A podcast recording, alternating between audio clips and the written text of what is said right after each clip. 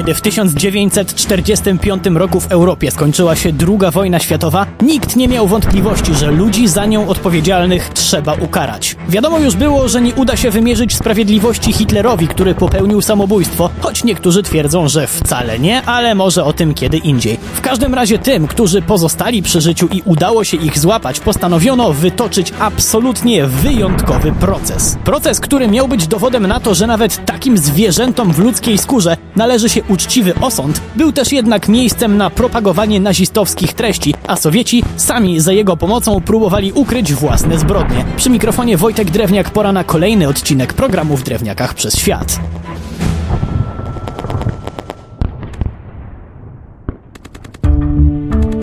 Tylko zaraz, kto miał sądzić nazistowskich zbrodniarzy wojennych? Amerykanie? Sowieci? Brytyjczycy? Cała trójka. Każde z nazwijmy to państw zwycięskich wystawiło po jednym prokuratorze generalnym. Mieli oni przewodzić nie jednemu, a trzynastu procesom. Zanim jednak przejdziemy do dokładnego omawiania tego, co się tam działo, to wyjaśnijmy sobie, czemu całe to wydarzenie miało miejsce właśnie w Norymberdze. Były dwa względy, symboliczny i praktyczny. Zacznijmy od pierwszego. Norymberga była kolebką nazizmu, jego ukochanym miastem. Tutaj odbywały się wielkie partyjne wiece, na których Adolf Hitler i jego koledzy wygłaszali płomienne mowy i obiecywali straszne rzeczy, które niestety wielu się podobały. Jednak niestety na obietnicach się nie kończyło i wśród tak zwanych ustaw norymberskich nakładano innymi ograniczenia na ludność żydowską, a niepełnosprawnych umysłowo pozbawiano człowieczeństwa. Norymberga była więc stolicą nazizmu i dobrze byłoby to choróbsko ostatecznie pokonać tam, gdzie się narodziło. Ważny był też jednak aspekt praktyczny.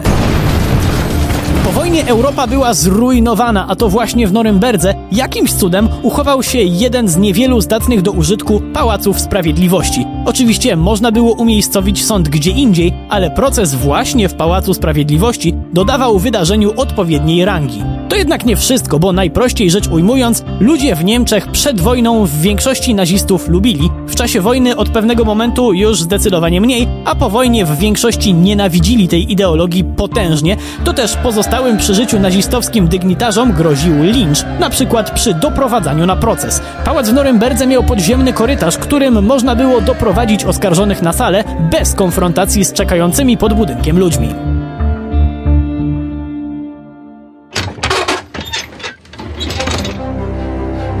Wspomniałem już, że to nie był jeden proces. Ten najsłynniejszy, o którym zaraz powiem więcej, był procesem najważniejszym nazistowskich dygnitarzy, których udało się dopaść. W pozostałych 12, które odbyły się później, sądzono pozostałych 185 nazistów, którzy też dokonywali potwornych rzeczy. Odpowiadali na przykład za zbrodniczą gospodarkę, która wyzyskiwała więźniów. Sądu nie uniknęli też żołnierze Wehrmachtu, którzy również dokonywali strasznych rzeczy, podobnie jak żołnierze i służby sowieckie. Czemu o tym wspomniałem? Bo tylko w tak chorych umysłach jak sowieckie mógł zrodzić się perfidny plan podpięcia swoich zbrodni pod nazistowskie. Chodzi o sprawę bardzo bliską Polakom, mianowicie o Katyń. Dziś wiemy, kto tej zbrodni dokonał, jednak Sowieci nie chcieli, żeby prawda o tym wyszła na jaw, to też do aktu oskarżenia w procesie norymberskim dodali zbrodnię katyńską. Chcieli, żeby to ludzie Hitlera przejęli winę i bardzo im nie wyszło. Wystarczyło kilka zeznań, żeby wszyscy zorientowali się, jak grubymi nićmi komuniści szyją i postanowili oni wycofać oskarżenie w sposób jeszcze bardziej żenujący. Mianowicie strona sowiecka uznała, że jej się pomyliło i chodziło o inną wioskę, którą Niemcy spacyfikowali. Sorry, sorry, nie ma tematu. Absolutnie żenujące.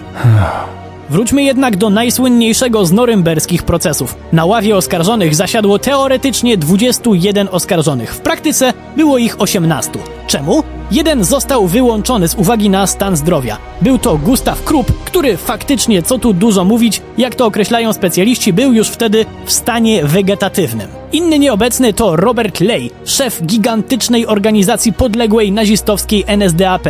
Jego niemiecki front pracy zrzeszał 25 milionów ludzi. Czy miał coś na sumieniu? Bezdyskusyjnie. Nie jedno i sam o tym wiedział, popełniając samobójstwo. No i był jeszcze, a w zasadzie to nie było Martina Bormana, Bormana, zastępcy Hitlera i jego sekretarza, którego nieobecność budziła szczególny niesmak. Gość zwyczajnie uciekł, a przynajmniej tak sądzono przez lata. Dopiero po długich dekadach okazało się, że owszem uciekł, ale niedaleko. Popełnił samobójstwo na ulicach Berlina 2 maja 1945 roku. Mimo to Bormana postanowiono osądzić zaocznie, czyli mimo jego nieobecności na sali. Samobójstwo popełnił również Heinrich Himmler, według wielu drugi w bardzo skomplikowanej hierarchii nazistowskiej. Wobec jednak braku Hitlera i Himmlera, najważniejszym nazistą w procesie norymberskim był Hermann Göring, który niestety nie powiedział jeszcze ostatniego słowa. O tym, co mówił, opowiem w kolejnym naszym spotkaniu. Przy mikrofonie był Wojtek Drewniak. Do usłyszenia.